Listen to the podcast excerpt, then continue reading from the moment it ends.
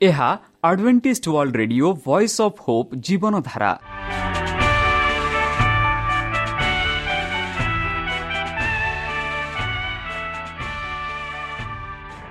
Odia radio କାର୍ଯ୍ୟକ୍ରମ ଯାହା ଆମର ଆନ୍ତର୍ଜାତୀୟ ଆଘାତ କେନ୍ଦ୍ରରୁ ପ୍ରସାରଣ କରାଯାଉଛି ପ୍ରତିଦିନ ରାତି ନଅଟା ତିରିଶ ମିନିଟ୍ରେ। ମୁଁ ସୁବ୍ରତ କୁମାର ପତି ପ୍ରେମର ସହ ଆପଣମାନଙ୍କୁ ଏହି କାର୍ଯ୍ୟକ୍ରମକୁ ସ୍ୱାଗତ କରୁଅଛି। ଚାଲନ୍ତୁ ଆଜିର ତିରିଶ ମିନିଟ୍ର କାର୍ଯ୍ୟକ୍ରମ ବିଷୟରେ ଜାଣିନେବା। ପ୍ରଥମେ ରଖିଛୁ ଆଧ୍ୟାତ୍ମିକ ଭକ୍ତିମୟ ଗୀତ। ଏହାପରେ ଶୁଣିବା ସ୍ୱାସ୍ଥ୍ୟ ବିଷୟରେ ଯାହା ଆମର ଦୈନିକ ଜୀବନରେ ଅତ୍ୟନ୍ତ ଜରୁରୀ। ଆଉ ପରିଶେଷରେ ଶୁଣିବା ପରମେଶ୍ୱରଙ୍କ ଭକ୍ତଙ୍କଠାରୁ ଜୀବନଦାୟକ ଈଶ୍ୱରଙ୍କ ବାକ୍ୟ। ପ୍ରିୟ ଶ୍ରୋତା ତାହେଲେ ଚାଲନ୍ତୁ ଶୁଣିବା ଏକ ଆଧ୍ୟାତ୍ମିକ ଭକ୍ତିମୟ ଗୀତ।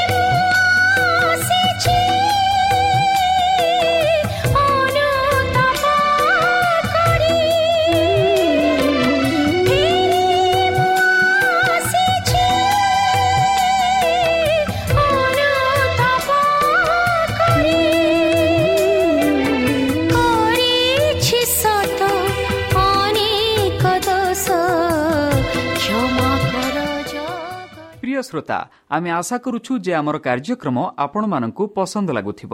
ଆପଣଙ୍କର ମତାମତ ଜଣାଇବା ପାଇଁ ଆମର ଏହି ଠିକଣାରେ ଯୋଗାଯୋଗ କରନ୍ତୁ। ଆମ ଠିକଣା advantage media centre SDA mission compound Salisbury park Pune ଚାରି ଏକ ଏକ ଶୂନ ତିନି ସାତ ମହାରାଷ୍ଟ୍ର। ବା ଖୋଲନ୍ତୁ ଆମର ୱେବସାଇଟ୍ ଯେକୌଣସି android phone smartphone desktop laptop କିମ୍ବା ଟ୍ୟାବ୍ଲେଟ୍। ଆମର website W W W dot A W R dot O R G slash O R I ଏବଂ W W W dot advantage media centre India dot O R G ବର୍ତ୍ତମାନ ଚାଲନ୍ତୁ ଶୁଣିବା ଈଶ୍ୱରଙ୍କ ଭକ୍ତଙ୍କଠାରୁ ଈଶ୍ୱରଙ୍କ ଜୀବନଦାୟକ ବାକ୍ୟ। ପ୍ରେମର ସାଗର ଦୟାମୟ ଅନ୍ତର୍ଜମୀ ଅନୁଗ୍ରହ ପରମ ପିତାଙ୍କ ମଧୁର ନାମରେ ମୁଁ ପାଷ୍ଟ ପୂର୍ଣ୍ଣ ଚନ୍ଦ୍ର ଆଉ ଥରେ ଆପଣମାନଙ୍କୁ ଏହି କାର୍ଯ୍ୟକ୍ରମରେ ସ୍ୱାଗତ କରୁଅଛି। ସେହି ସର୍ବଶକ୍ତି ପରମେଶ୍ୱର ଆପଣମାନଙ୍କୁ ଆଶୀର୍ବାଦ କରନ୍ତୁ। ଆପଣଙ୍କୁ ସମସ୍ତ ପ୍ରକାର ଦୁଃଖ କଷ୍ଟ ବାଧା କ୍ଲେଶ ଓ ରୋଗରୁ ଦୂରେଇ ରଖନ୍ତୁ। ଶତ୍ରୁ ସଚେତନ ହସ୍ତରୁ ଆପଣଙ୍କୁ ସେ ସୁରକ୍ଷାରେ ରଖନ୍ତୁ। ତାହାଙ୍କ ପ୍ରେମ ତାହାଙ୍କ ସ୍ନେହ ତାହାଙ୍କ କୃପା ତାହାଙ୍କ ଅନୁଗ୍ରହ ସଦାସର୍ବଦା ଆପଣଙ୍କଠାରେ ସହବର୍ତ୍ତୀ ରହୁ। ପ୍ରିୟ ଶ୍ରୋତା ଚାଲନ୍ତୁ। ଆଜି ଆମ୍ଭେମାନେ କିଛି ସମୟ ପବିତ୍ର ଶାସ୍ତ୍ର ବାଇବଲଠୁ ତାହାଙ୍କ ଜୀବନଦାୟକ ବାକ୍ୟ ଧ୍ୟାନ କରିବା। ଆଜିର ଆଲୋଚନା ହେଉଛି ଈଶ୍ୱରଙ୍କ ପ୍ରକାଶିତ। ବନ୍ଧୁ ଆମେ ଆଦି ପୁସ୍ତକରୁ ପ୍ରକାଶିତ ପୁସ୍ତକ ପର୍ଯ୍ୟନ୍ତ ଯଦି ଦେଖିବା ଆମେ ଆଜି ଯାଏଁ ବାଇବଲ କିପରି ଆସିଲା ବାଇବଲ ବାକ୍ୟ କିପରି ଆମମାନଙ୍କୁ ପହଞ୍ଚିଲା ଆଉ ବାଇବଲ କିପରି ଲେଖାଯାଇଥିଲା ଏହିସବୁ ଆମେ ଶିକ୍ଷା କରିଥିଲୁ। ଈଶ୍ୱରଙ୍କ ପ୍ରକାଶିତ ବିଷୟରେ ଆଜି ଆମେ ବିଶେଷ ଭାବରେ ଆଲୋଚନା କରିବା। ଯେହେତୁ ଯାହା ଆମେ ଦେଖୁଅଛୁ ସେହି ସବୁ ଈଶ୍ୱରଙ୍କର ଏକ ପ୍ରକାଶିତ। ଯେପରିକି ଗୀତ ଲେଖକ ଅନିଶି ଏକରେ ସେ ନିଜେ ଏହିପରି କହନ୍ତି ଆକାଶ ମଣ୍ଡଳ ପରମେଶ୍ୱରଙ୍କ ଗୌରବ ବର୍ଣ୍ଣନା କରେ। ଶୂନ୍ୟ ମଣ୍ଡଳ ତାହାଙ୍କ ହସ୍ତକୃତ କର୍ମ ପ୍ରକାଶ କରେ। ବନ୍ଧୁ ଆମ ଚାରିପଟେ ଯେତେ ଗଛଲତା ବନ ପର୍ବତ ପାହାଡ଼ ନଦୀ ନାଳ କୂଅ ବନ୍ଧ ସାଗର ଏହା ସବୁ ଆମେ ଦେଖୁଅଛୁ। ଏହିସବୁ ଈଶ୍ୱରଙ୍କର ହସ୍ତକୃତ କର୍ମ। ମଣିଷକୁ ପରମେଶ୍ୱର ଆପଣା ହସ୍ତରେ ସୃଷ୍ଟି କଲେ ବୋଲି ଆମେ ଆଦି ପୁସ୍ତକ ଏକ ପର୍ବରେ ଆମେ ଦେଖୁଅଛୁ ଏକ ତାର ଛବିଶ ସତେଇଶରେ। ଯେପରି ଆଦି ପୁସ୍ତକ ଏହି ପୃଥିବୀ କିପରି ସୃଷ୍ଟି ହେଲା ତାହାର ବିବରଣ ଆମମାନଙ୍କୁ କହୁଅଛି। କିପରି ମଣିଷକୁ ସୃଷ୍ଟି କରିଥିଲେ ତାହାର ବିବରଣ ଆମେ ପାଉଅଛୁ ଆଦି ପୁସ୍ତକରେ। ଆଉ ପରମେଶ୍ୱର ସମସ୍ତ କିଛି ସୃଷ୍ଟି କଲେ। ପରମେଶ୍ୱର ଯେପରି କହିଲେ କହିଲା ମାତ୍ରେ ତାହା ଉପସ୍ଥିତ ହେଲା। ଏହିପରି ପବିତ୍ର ଶାସ୍ତ୍ର ବାଇବଲ ମାନଙ୍କୁ କହୁଛି ବନ୍ଧୁ। ମୁଁ ଅନ୍ୟଠାରୁ କହୁନି ବାଇବଲରେ ଯାହା ଯାହା ଲେଖା ଅଛି ତାହା ବିଷୟରେ ମୁଁ ଆପଣମାନଙ୍କୁ କହୁଅଛି। ଯେପରିକି ଗୀତ ଲେଖକ ସେ ଉଚ୍ଚ ସ୍ୱରରେ କହନ୍ତି କି ସେହି ପରମେଶ୍ୱର ଆକାଶ ମଣ୍ଡଳ ପରମେଶ୍ୱରଙ୍କ ଗୌରବ ବର୍ଣ୍ଣନା କରେ ବୋଲି। ଆକାଶରେ। ଆମେ ଆକାଶରେ କ'ଣ ଦେଖୁ ବନ୍ଧୁ? ଆକାଶରେ ଆମେ ଦେଖୁ ଚନ୍ଦ୍ର ସୂର୍ଯ୍ୟ ଓ କୋଟି କୋଟି କୋଟି କୋଟି ତାରା ଗୁଡ଼ାକ ଆମେ ଦେଖୁ। ଆଉ ସେଇ ଯେଉଁ ଆକାଶ ମଣ୍ଡଳର ସେ ସବୁ ଈଶ୍ୱରଙ୍କର ଗୌରବ ବର୍ଣ୍ଣନା କରନ୍ତି ବୋଲି ଗୀତ ଲେଖକ କହୁଅଛନ୍ତି। ଏହା ପବିତ୍ର ଶାସ୍ତ୍ର ବାଇବଲ ଆମେ ପାଉଅଛୁ। ଆଉ ଶୂନ୍ୟ ମଣ୍ଡଳ ଶୂନ୍ୟ ମଣ୍ଡଳ ତାହାଙ୍କ ହସ୍ତକୃତ କର୍ମ ପ୍ରକାଶ କରେ ତାଙ୍କ ହାତର କାର୍ଯ୍ୟ ପ୍ରକାଶ କରେ ବୋଲି ଆମେ ଦେଖୁଅଛୁ। ବନ୍ଧୁ ଯାହା ଆମେ ଆକାଶରେ ଦେଖୁ ଯେତେ ପକ୍ଷୀ ଗୁଡ଼ାକ ଉଡ଼ୁଛନ୍ତି ଯେତେ ଆମେ ବନ ପାହାଡ଼ରେ ଦେଖୁ ଯେତେ ବନ୍ୟ ପଶୁ ଗୁଡ଼ାକ ଯେତେ ଘୋରିଆ ପଶୁ ଗୁଡ଼ାକ ଯେତେ ସମୁଦ୍ରରେ ଯେତେ ମାଛ ଜୀବ ଗୁଡ଼ା ଅଛନ୍ତି ସେଇ ସବୁ ଈଶ୍ୱରଙ୍କର ହସ୍ତକୃତ କର୍ମ ବନ୍ଧୁ ଆଉ ଈଶ୍ୱର ଏସବୁ ସୃଷ୍ଟି କଲେ ବୋଲି ପବିତ୍ର ଶାସ୍ତ୍ର ବାଇବଲ ଆମମାନଙ୍କୁ କହୁଅଛି। ସେହିପରି ସାଧୁ ପାଉଲ କହନ୍ତି କି ରୋମିଓ ଏକ ଅନୁଶ୍ରେ ସେ କହନ୍ତି କି ଯେଉଁ ଈଶ୍ୱରଙ୍କ ସମ୍ବନ୍ଧରେ ଯାହା ଜ୍ଞାତ ଜ୍ଞାତବ୍ୟ ତାହା ସେମାନଙ୍କ ଅନନ୍ତରେ ଅନ୍ତରରେ ପ୍ରକାଶିତ ହୋଇଅଛି। ଈଶ୍ୱର ତ ସେମାନଙ୍କ ନିକଟରେ ତାହା ପ୍ରକାଶ କରିଅଛନ୍ତି। ଯଦି ଆପଣମାନେ କିଛି ଛୋଟ ଫୁଲକୁ ଦେଖିବ ଯଦି କିଛି ପକ୍ଷୀକୁ ଦେଖିବ କିଛି ମାଛକୁ ଦେଖିବ କିଛି ଗଛକୁ ଦେଖିବ ଯଦି ପାହାଡ଼କୁ ଦେଖିବ ଆପଣମାନେ କେବେ ଈଶ୍ୱରଙ୍କର ବିଷୟରେ ଦେଖୁଛନ୍ତି କି ସେଠି? ହଁ ବନ୍ଧୁ। ମନେ କରନ୍ତୁ ଫୁଲଟା କେତେ ଦିନ ପାଇଁ ବଞ୍ଚିଥାଏ? ଫୁଲଟା ଗୋଟିଏ ସପ୍ତାହ ବା ଦୁଇ ସପ୍ତାହ ବଞ୍ଚେ? ମାତ୍ର ଏଇ ଯେଉଁ ଗୋଟିଏ ସପ୍ତାହ ଦୁଇ ସପ୍ତାହ ମଝିରେ ସେ ଈଶ୍ୱରଙ୍କ ଗୌରବ ସେ ପ୍ରକାଶ କରେ। ଈଶ୍ୱର ତାକୁ କିପରି ସୃଷ୍ଟି କଲା ତାହା ବିଷୟରେ ସେ ଗୌରବ ପ୍ରକାଶ କରେ ତାର ଆନନ୍ଦ ସେ ପ୍ରକାଶ କରେ। ଆପଣ ଦେଖନ୍ତୁ ଛୋଟ ଛୋଟ ପକ୍ଷୀ ଗୁଡ଼ାକ ଛୋଟ ଛୋଟ ପକ୍ଷୀ ଗୁଡ଼ାକ ଆପଣ ଦେଖିଥିବେ କେଡ଼େ ସୁନ୍ଦର ଭାବରେ ସେ ଈଶ୍ୱରଙ୍କୁ ପ୍ରଶଂସା କରନ୍ତି। ଆପଣ ଯଦି ଦେଖିବେ ବନ୍ୟ ପଶୁ ଆପଣ ଯଦି ଦେଖିବେ ଆପଣଙ୍କ ନିଜ ଗୃହରେ ଯେଉଁ ପଶୁପାଳକ ପଶୁ ଗୁଡ଼ାକ ଅଛି ସେମାନେ କେତେ ଖୁସିରେ ଥାଆନ୍ତି। ଏହା ଈଶ୍ୱରଙ୍କର ସବୁ ଆନନ୍ଦ ଈଶ୍ୱରଙ୍କର ଜ୍ଞାନ ପ୍ରକାଶ କରନ୍ତି ଈଶ୍ୱରଙ୍କ ପ୍ରେମ ପ୍ରକାଶ କରନ୍ତି। ଏହିପରି ରୋମିଓର ଏକ ଅନିଶରେ ଆମେ ପାଉଛୁ କି ଯେଣୁ ଈଶ୍ୱରଙ୍କ ସମ୍ବନ୍ଧରେ ଈଶ୍ୱରଙ୍କ ସମ୍ବନ୍ଧରେ ଯାହା ଜ୍ଞାତବ୍ୟ ତାହା ସେମାନଙ୍କ ଅନ୍ତରରେ ପ୍ରକାଶିତ ହୋଇଅଛି। ଈଶ୍ୱର ତ ସେମାନଙ୍କ ନିକଟରେ ତାହା ପ୍ରକାଶ କରିଅଛନ୍ତି ଏହିପରି ଆମେ ପାଉଛୁ। ତା ଆଗକୁ ସାଧୁ ପାଉଲ କହନ୍ତି ରୋମିଓ ଦୁଇ ପନ୍ଦରରେ ଏହିପରି କାରଣ ସେମାନେ ବ୍ୟବସ୍ଥାର କର୍ମ ଆପନା ଆପନା ହୃଦୟରେ ଲିଖିତ ବୋଲି ଦେଖାନ୍ତି। ସେମାନଙ୍କ ବିବେକ ମଧ୍ୟ ସେଥିର ସାକ୍ଷା ଦିଏ ଆଉ ସେମାନଙ୍କ ମନର ତର୍କ ବିତର୍କ ସେମାନଙ୍କୁ ଦୋଷୀ କରିବା ନିର୍ଦ୍ଦେଶ କରେ ଦେଖନ୍ତୁ ବନ୍ଧୁ କେଡ଼େ ସୁନ୍ଦର ଭାବରେ ଈଶ୍ୱରଙ୍କର ପ୍ରକାଶିତ ବାକ୍ୟ ଆମେ ପାଉଅଛୁ ଈଶ୍ୱର ସେମାନଙ୍କ କର୍ମ ଆପଣା ଆପଣା ହୃଦୟରେ ଲିଖିତ ବୋଲି ଦେଖାନ୍ତି। ମଣିଷମାନେ ଆମେ ଭୁଲି ଯାଇଥାଉ କି ପରମେଶ୍ୱର ମାନଙ୍କୁ ଏତେ ପ୍ରେମ କଲେ ପରମେଶ୍ୱରଙ୍କ ଆଜ୍ଞା ଆମେ ମାନିବାର ଉଚିତ ବୋଲି ଆମେ ଜାଣିଛୁ। ହେଲେ ହେଁ ବେଲେ ବେଲେ ପରମେଶ୍ୱରଙ୍କ ଆଜ୍ଞା ଆମେ ମାନୁନାହୁଁ। ନିଜ ଆଚରଣରେ ନିଜ କାର୍ଯ୍ୟରେ ନିଜ ଜୀବନରେ ଆମେ ଚାଲିଥାଉ। ମାତ୍ର ଏଠି ପବିତ୍ର ଶାସ୍ତ୍ର ବାଇବଲ ମାନଙ୍କୁ ଶ୍ରେଷ୍ଠ ରୂପେ କହୁଅଛି ବନ୍ଧୁ କି କାରଣ ସେମାନେ ବ୍ୟବସ୍ଥାରେ ମୁଁ ଆପଣ ଆପଣ ହୃଦୟରେ ଲିଖିତ ବୋଲି ଦେଖନ୍ତି ଦେଖାନ୍ତି। ମାନେ ସେମାନଙ୍କ ବିବେକ ମଧ୍ୟ ସେଥିରେ ସାକ୍ଷା ଦିଏ। ବନ୍ଧୁ ଆଜିକାଲି ଯେବେ ଆମେ ଭୁଲ କାମ କରିଥାଉ ସେତେବେଳେ ଭୁଲ କାମ କରିବା ପୂର୍ବେ ଆମ ବିବେକ ଆମକୁ କହେ କି ଏଇଟା କର ନାହିଁ। ଆଉ ସେତେବେଳେ ଆମେ ଯେବେ ସେଇ ବିବେକ ଆମକୁ ସାକ୍ଷା ଦିଏ କୁହେ ସେତେବେଳେ ଆମେ କରିଥାଉ ମାତ୍ର ପବିତ୍ର ଶାସ୍ତ୍ର ବାଇବଲ କହୁଛି କି ବିବେକ ମଧ୍ୟ ସେଥିରେ ସାକ୍ଷା ଦିଏ ବା ସାକ୍ଷ୍ୟ ଦିଏ ଆଉ ସେମାନଙ୍କ ମନର ତର୍କ ବିତର୍କ ସେମାନଙ୍କୁ ଦୋଷୀଟିଏ ବା ନିର୍ଦ୍ଦୋଷ କରେ ବନ୍ଧୁ ଆପଣ କେବେ କେବେ ହେଲେ ଏହିପରି ପରିସ୍ଥିତିରେ ଆପଣ ଜୀବନକୁ ଗତି କରାଇଛନ୍ତି କି ବନ୍ଧୁ କି ସେତେବେଳେ ଆପଣଙ୍କ ଭିତରେ ଏକ ତର୍କ ବିତର୍କ ଚାଲିଛି। ଆଉ ସେ ତର୍କ ବିତର୍କରେ ଆପଣମାନେ ଭାବୁଛନ୍ତି କି ଆପଣ ଦୋଷୀ ବା ନିର୍ଦ୍ଦେଶ? ନିର୍ଦ୍ଦୋଷ? ହଁ ସେଇ ଜ୍ଞାନଟା ପରମେଶ୍ୱର ମାନଙ୍କୁ ପ୍ରକାଶ କରୁଛନ୍ତି। ସେହି ଯୋଉ ନିର୍ଣ୍ଣୟ ଆମେ ନେଉ ସେଇ ନିର୍ଣ୍ଣୟ ପରମେଶ୍ୱର ମାନଙ୍କୁ ଦେଇଅଛନ୍ତି ବୋଲି ପବିତ୍ର ଶାସ୍ତ୍ର ବାଇବଲ ମାନଙ୍କୁ କହୁଅଛେ। ଆଉ ସେଇ ନିର୍ଣ୍ଣୟ ବେଲେ ବେଲେ ଆମେ ଭୁଲ ଧାରଣାରେ ନେଇଥାଉ।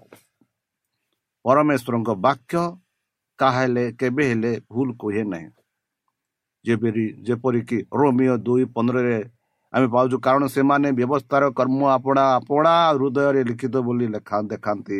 ବ୍ୟବସ୍ଥାର କର୍ମ ଯେଉଁ ବ୍ୟବସ୍ଥା ମାନଙ୍କୁ ଦିଆଯାଇଅଛି ବନ୍ଧୁ କୁହନ୍ତୁ କିଏ ଜାଣିନାହାନ୍ତି କି ଜଣକୁ ଖଣି କଲେ ପାପ ବୋଲି?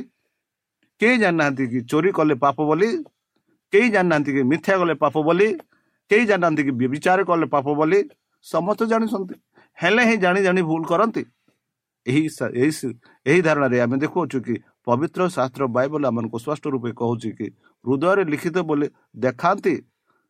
ମାତ୍ର ସେମାନେ ବେଲେ ବେଲେ ଜାଣିଲା ପରେ ମଧ୍ୟ ନିଜ ସ୍ତରରେ ତର୍କ ବିତର୍କ କରି ବିଲେ ବେଲେ ଭୁଲରେ ଆମେ ଚାଲିଥାଉ। ଆଉ ସେଇ ଯୋଉ ପ୍ରକାଶିତ ଆମେ ପାଇଅଛୁ ପ୍ରଭୁଙ୍କ ଠାରେ ଆଉ ପ୍ରଭୁ ଆମମାନଙ୍କୁ ପବିତ୍ର ଶାସ୍ତ୍ର ବାଇବଲ ତାଙ୍କ ଦାସ ଦାସଙ୍କ ଦ୍ୱାରା ଆମମାନଙ୍କୁ ପ୍ରକାଶିତ କରୁଅଛନ୍ତି। ଯେପରିକି ରୋମିଓ ତାର ଷୋହଳ ପଚିଶରେ ଆମେ ଦେଖାଉଛୁ ବନ୍ଧୁ ପଚିଶ ଛବିରେ ସାଧୁ ପାଉଲ ଆଉ ଥରେ ଏପରି କହନ୍ତି ଯେଉଁ ଈଶ୍ୱର ମହର ସୁସମାଚାର ଓ ଯୀଶୁ ଖ୍ରୀଷ୍ଟଙ୍କ ବିଷୟକୁ ପ୍ରଚାର ଅନୁସାରେ ଅର୍ଥାତ୍ ଯେଉଁ ନିଗୁଡ଼ ନିଗୁଡ଼ ତତ୍ଵ ଅନାଦି କାଳରୁ ଅବ୍ୟକ୍ତ ଥିଲା ମାତ୍ର ଏବେ ବ୍ୟକ୍ତି ହୋଇଛି ପୁଣି ବିଶ୍ୱାସ କରି ଆଜ୍ଞାବହ ହେବା ନିମନ୍ତେ ଅନାଦିଶ୍ୱର ଆଜ୍ଞାନୁସାରେ ଭାବବାଦୀମାନଙ୍କ ଶାସ୍ତ୍ର ସାହାଯ୍ୟରେ ସମସ୍ତ ଜାତୀୟ ଲୋକଙ୍କ ନିକଟରେ ଜ୍ଞାତ କରାଇଅଛି ସେହି ନିଗୁଡ଼ ତତ୍ଵର ପ୍ରକାଶ ଅନୁସାରେ ତୁମମାନଙ୍କୁ ସ୍ତୁତିର କରିବାକୁ ସକ୍ଷମ ଅଛନ୍ତି। ବନ୍ଧୁ ଆଜି କେହି ଜାଣିନାହାନ୍ତି କି ଯୀଶୁ ଖ୍ରୀଷ୍ଟ ଏହି ପୃଥିବୀକୁ ଆସିଥିଲେ? କି ମଣିଷମାନଙ୍କ ପାଇଁ ମୃତ୍ୟୁ ହେଲେ? ହେଲେ ହେଲେ ଜାଣିଛନ୍ତି ମାତ୍ର ସେହି ଯୀଶୁ ଖ୍ରୀଷ୍ଟଙ୍କୁ ବିଶ୍ୱାସ କରୁନାହାନ୍ତି। ଏଠି ସାଧୁ ପାଲ ମାନଙ୍କୁ ସ୍ପଷ୍ଟ ରୂପରେ କହୁଛନ୍ତି ଯେ ଯେଉଁ ଈଶ୍ୱର ମହର ସୁସମାଚାର ଓ ଯୀଶୁ ଖ୍ରୀଷ୍ଟଙ୍କ ବିଷୟକ ପ୍ରଚାର ଅନୁସାରେ ଅର୍ଥାତ୍ ଯେଉଁ ନିଗୁଡ଼ତ୍ଵ ଅନାଦି କାଳରୁ ଅବ୍ୟକ୍ତ ଥିଲା ଅନାଦି କାଳ ମାନେ ପ୍ରଥାରମ୍ଭରୁ ମାତ୍ର ଏବେ ବ୍ୟକ୍ତ ହୋଇଅଛି। ପୁଣି ବିଶ୍ୱାସ କରି ଆଜ୍ଞା ବହା ହେବା ନିମନ୍ତେ ଅନାଦି ଈଶ୍ୱରଙ୍କ ଆଜ୍ଞାନୁସାରେ ଭାବବାଦୀମାନଙ୍କ ଶାସ୍ତ୍ର ସାହାଯ୍ୟରେ ସମସ୍ତ ଜାତୀୟ ଲୋକଙ୍କ ନିକଟରେ ଜ୍ଞାତ କରାଯାଇଛି। ସମସ୍ତ ଜାତୀୟ ଲୋକଙ୍କଠାରେ ଜ୍ଞାତ କରାଯାଇଛି କି ପରମେଶ୍ୱର ଅଛନ୍ତି ଯେ କି ଏହି ପୃଥିବୀକୁ ସୃଷ୍ଟି କରିଛନ୍ତି। ଆଉ ସେ ହଉଛନ୍ତି ଏହି ପୃଥିବୀର ସୃଷ୍ଟିକର୍ତ୍ତା ପ୍ରଭୁ ବୋଲି ଜ୍ଞାତ କରାଯାଇଅଛି ସେହି ନିଗୁଡ଼ ତତ୍ଵର ପ୍ରକାଶ ଅନୁସାରେ ସେ କହନ୍ତି ତୁମମାନଙ୍କୁ ତୃତୀର କରାଇବାକୁ ସକ୍ଷମ ଅଟନ୍ତି। ବନ୍ଧୁ ସେହି ପରମେଶ୍ୱର ଯେ କି ଏହି ପୃଥିବୀକୁ ଆସିଲେ ଏହାମାନଙ୍କୁ ପ୍ରକାଶ କରାଯାଇଅଛି ଆଉ ସେହି ପରମେଶ୍ୱରଙ୍କ ଠାରେ ଯେଉଁମାନେ ବିଶ୍ୱାସ କରନ୍ତି ସେମାନେ ଅନନ୍ତ ଜୀବନ ପ୍ରାପ୍ତ ହେବେ ବୋଲି ଆମମାନଙ୍କୁ ପ୍ରକାଶ କରାଯାଇଛି। କାରଣ ସେହି ବାକ୍ୟକୁ ଆମେ ବିଶ୍ୱାସ କରୁଛୁ କି ନାହିଁ ନିଜକୁ ପ୍ରଶ୍ନ କରିବାକୁ ପଡ଼ିବ। ଯେପରିକି ଜହନ ତାର ଚଉଦ ନରେ ଆମେ ପାଉ ଯୀଶୁ ତାହାଙ୍କୁ କହିଲେ ଫିଲିପ୍ସ ଏତେ କାଳ ମୁଁ ତୁମମାନଙ୍କ ସାଙ୍ଗରେ ଅଛି। ଆଉ ତୁମେ କ'ଣ ମୋତେ ଜାଣିଲ ନାହିଁ? ଯେ ମୋତେ ଦର୍ଶନ କରିଅଛି ଯେ ପିତାଙ୍କୁ ଦର୍ଶନ କରିଅଛି। ଆମମାନଙ୍କୁ ପିତାଙ୍କ ଦର୍ଶନ କରାଅନ୍ତୁ ବୋଲି ତୁମେ କିପରି କହୁଅଛ? ବନ୍ଧୁ ଆମେ ଦେଖୁଅଛୁ। ଫିଲିପ୍ସ ଜଣେ ସନ୍ଦେହ ବ୍ୟକ୍ତି। କେବେ ହେଲେ ସେହି ସନ୍ଦେହ ପୂର୍ଣ୍ଣ ହେବା ପର୍ଯ୍ୟନ୍ତ କିଛି ଜିନିଷ ସେ ବିଶ୍ୱାସ କରନ୍ତି ନାହିଁ।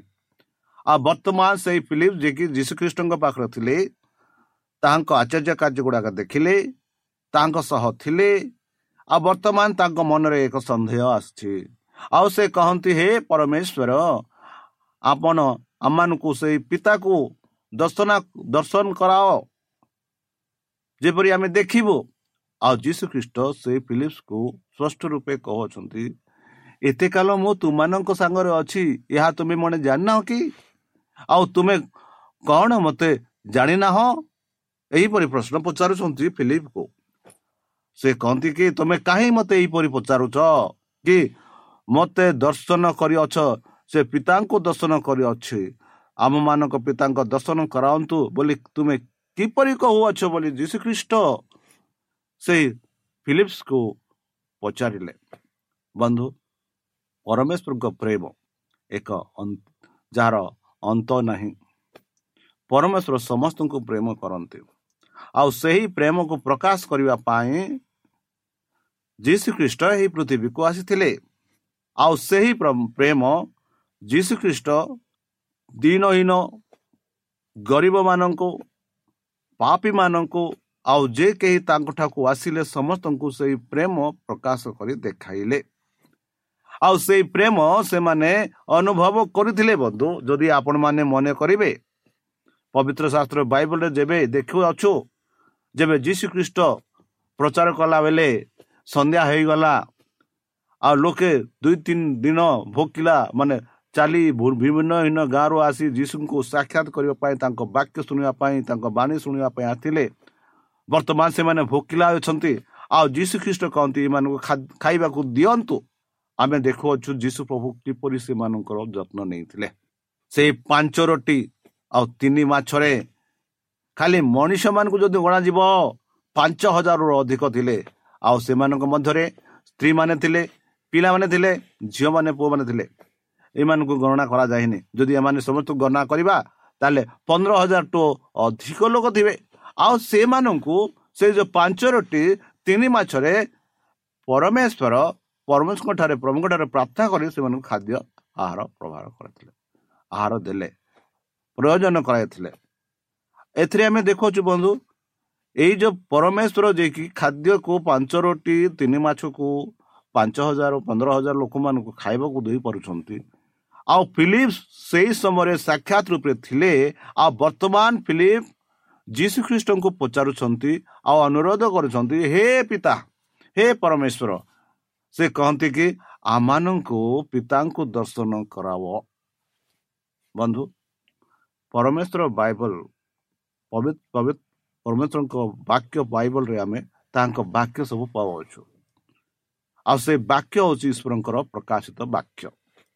ଆଉ ଯଦି ସେଇ ପ୍ରକାଶିତ ବାକ୍ୟକୁ ଆମେ ପଢ଼ିବା ଜାଣିବା ସେଥିରେ ଆମେ ଯୀଶୁ ଖ୍ରୀଷ୍ଟକୁ ଦେଖୁଛୁ ଆମ ପରମ ପିତାଙ୍କୁ ଦେଖୁଅଛୁ। ଯେବେ ଆମେ ପଢ଼ିବା ନାହିଁ ଜାଣିବା ନାହିଁ ତେବେ ଆମେ ଯୀଶୁ ଖ୍ରୀଷ୍ଟଙ୍କୁ ଜାଣିବା ନାହିଁ କି ତାଙ୍କୁ ଦର୍ଶନ କରିପାରିବା ନାହିଁ। ଯେହେତୁ ପବିତ୍ର ଶାସ୍ତ୍ର ହେଉଛି ଯୀଶୁ ଖ୍ରୀଷ୍ଟଙ୍କର ବାକ୍ୟ। ଜହନ ଷୋହଳ ଆଠ ପନ୍ଦର। ଏହିପରି ଆମେ ଦେଖୁଅଛୁ ଯେ ସେ ଆସି ପାପ ଧାର୍ମିକତା ଓ ବିଚାର ବିଷୟରେ ଜଗତକୁ ପ୍ରମାଣ ଦେବେ। ଯାହା ଯାହା ପିତାଙ୍କ ସେହି ସବୁ ମୋହର ଏହି ହେତୁ ମୁଁ କହିଲି ସେ ମୋହର ବିଷୟ ଘେନି ତୁମାନଙ୍କୁ ଜଣାଇବେ। ବନ୍ଧୁ ମାନେ ପିତା ପରମେଶ୍ୱର ଏକା। ଆଉ ସେ କହନ୍ତି ସେ ଯୋଉ ପିତା ସେ ପ୍ରଭୁ ସେ କହନ୍ତି ସେ ଆସି ପାପ ଧାର୍ମିକତା ଓ ବିଚାର ବିଷୟରେ ଜଗତକୁ ପ୍ରମାଣ ଦେବେ ବୋଲି। ଯାହା ଯାହା ପିତାଙ୍କ ସେହି ସବୁ ମୋହର ଏହି ହେତୁ ମୁଁ କହିଲି ସେ ମହର ବିଷୟ ଘେନି ତୁମକୁ ଜଣାଇବେ। ବନ୍ଧୁ କେଡ଼େ ସୁନ୍ଦର ଭାବରେ ଯୀଶୁ ଖ୍ରୀଷ୍ଟ ନିଜ ସାକ୍ଷାତ ଦେଇ କହୁଛନ୍ତି ଚାଲନ୍ତୁ ବନ୍ଧୁ ସେ ଯୋଉ ପରମେଶ୍ୱରଙ୍କ ବାକ୍ୟ ଯାହା ମାନଙ୍କ ପାଖକୁ ଆସିଅଛି ସେ ବାକ୍ୟ ହଉଛି ଜୀବନ ବାକ୍ୟ। ଆଉ ସେ ଜୀବନ ବାକ୍ୟ ମାନଙ୍କୁ ସାକ୍ଷାତ ରୂପେ ଏହି ପୃଥିବୀକୁ ଆସିଅଛି। ଚାଲନ୍ତୁ ସେଇ ଜୀବନ ବାକ୍ୟରେ ଆମେ ଧ୍ୟାନ ଦେବା ଆଉ ଯୀଶୁ ଖ୍ରୀଷ୍ଟଙ୍କ ଇଚ୍ଛା ଆମ ଜୀବନରେ ଜାଣିପାରିବା ଆଉ ଯୀଶୁ ଖ୍ରୀଷ୍ଟ ଆମମାନଙ୍କୁ କେତେ ପ୍ରେମ କରୁଛନ୍ତି ପରମ ପିତା ମାନଙ୍କୁ କେତେ ପ୍ରେମ କରୁଛନ୍ତି ସେହି ବିଷୟରେ ଆମେ ଜାଣିପାରିବା ଯେପରି ଆମେ ଦେଖୁଅଛୁ କାହିଁକି ପବିତ୍ର ଶାସ୍ତ୍ର ବାଇବଲ ଆମମାନଙ୍କୁ ଏହା ସାକ୍ଷାତ କରି କହୁଅଛି। ଆଉ ଏହା ଆମମାନଙ୍କୁ ପ୍ରକାଶ କରୁଛି କି ଈଶ୍ୱରଙ୍କ ଈଶ୍ୱର ତୁମମାନଙ୍କୁ କେତେ ପ୍ରେମ କରୁଛେ? ଈଶ୍ୱର ମାନଙ୍କୁ କେତେ ପ୍ରେମ କରୁଛେ? ତାହା ଆମମାନଙ୍କୁ ପ୍ରକାଶ କରୁଛି। ତାହେଲେ ଚାଲନ୍ତୁ ବନ୍ଧୁ ସେଇ ବାକ୍ୟ ପ୍ରକାଶିତ ବାକ୍ୟକୁ ଆମେ ଧ୍ୟାନ ଦେବା ପଢ଼ିବା ଆମ ଯୀଶୁ ଖ୍ରୀଷ୍ଟଙ୍କ ବିଷୟରେ ଆମ ପରମ ପିତାଙ୍କ ବିଷୟରେ ସେହି ପବିତ୍ର ଆତ୍ମାଙ୍କ ବିଷୟରେ ଆମେ ଶିକ୍ଷା ନେବା ଜାଣିବା ଆଉ ନିଜକୁ ପରିଚୟ କରିବା। ତେବେ ହେ ଆମେ ଯୀଶୁ ଖ୍ରୀଷ୍ଟଙ୍କୁ ପ୍ରଭୁକୁ ଦେଖିପାରିବା। ତାହେଲେ ଚାଲନ୍ତୁ ନିଜକୁ ସମର୍ପଣ କରି ତାହାଙ୍କ ମଧୁର ନାମରେ ଆମେ ପ୍ରାର୍ଥନା ଅର୍ପଣ କରିବା। ହେ ଆମ୍ଭମାନଙ୍କ ସର୍ବଶକ୍ତି ସର୍ବଜ୍ଞାନୀ ପ୍ରେମର ସାଗର ଦୟାମୟ ଅନ୍ତର୍ଜମୀ ଅନୁଗ୍ରହ ପରମ ପିତା ଧନ୍ୟବାଦ ଅର୍ପଣ କରୁଛୁ ପ୍ରଭୁ ବର୍ତ୍ତମାନ ଯେଉଁ ବାକ୍ୟ ତୁମ ସେ ଭକ୍ତମାନଙ୍କୁ ଶୁଣିଲେ ସେହି ପରିଚୟ ବାକ୍ୟ ଯାହା ସାକ୍ଷାତ ବାକ୍ୟ ମାନଙ୍କୁ ଜଣାଇଛନ୍ତି ସେହି ବାକ୍ୟ ଅନୁସାରେ ମାନଙ୍କୁ ଚାଲିବା ପାଇଁ ବୁଦ୍ଧିରେ ଜ୍ଞାନରେ ଶକ୍ତିରେ ପରିପୂର୍ଣ୍ଣ କର। ଆମ ପାପ ସବୁ ତୁମ ସେହି ବହୁମୂଲ୍ୟ ରକ୍ତରେ ପରିଷ୍କାର ରୂପେ ଧୋଇଦିଅ। ଆଉ ଯେତେ ଦୁଃଖ କଷ୍ଟ ବାଧା କ୍ଲେଶ ଆମେ ଅନୁଭବ କରୁଅଛୁ ସେହିସବୁ ଆମମାନଙ୍କୁ ଦୂରେଇ ରଖ।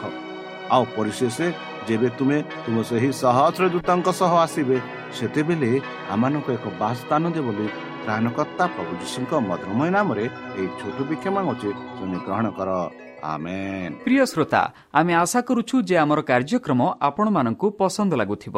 ଆପଣଙ୍କର ମତାମତ ଜଣାଇବା ପାଇଁ ଆମର ଏହି ଠିକଣାରେ ଯୋଗାଯୋଗ କରନ୍ତୁ। ଆମ ଠିକଣା advantage media centre SDA mission compound Salisbury park Pune ଚାରି ଏକ ଏକ ଶୂନ ତିନି ସାତ ମହାରାଷ୍ଟ୍ର। ବା ଖୋଲନ୍ତୁ ଆମର ୱେବସାଇଟ୍ ଯେକୌଣସି android phone smartphone desktop laptop କିମ୍ବା ଟ୍ୟାବ୍ଲେଟ୍ ଆମର website W W W dot A W R dot O R G slash O R I ଏବଂ W W W dot advantage media centre India dot O R G advantage media centre ଇଣ୍ଡିଆର spelling ହେଉଛି A D V D I A C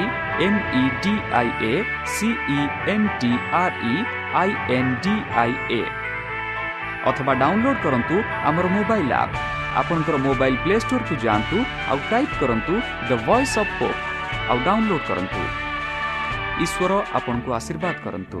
ଧନ୍ୟବାଦ।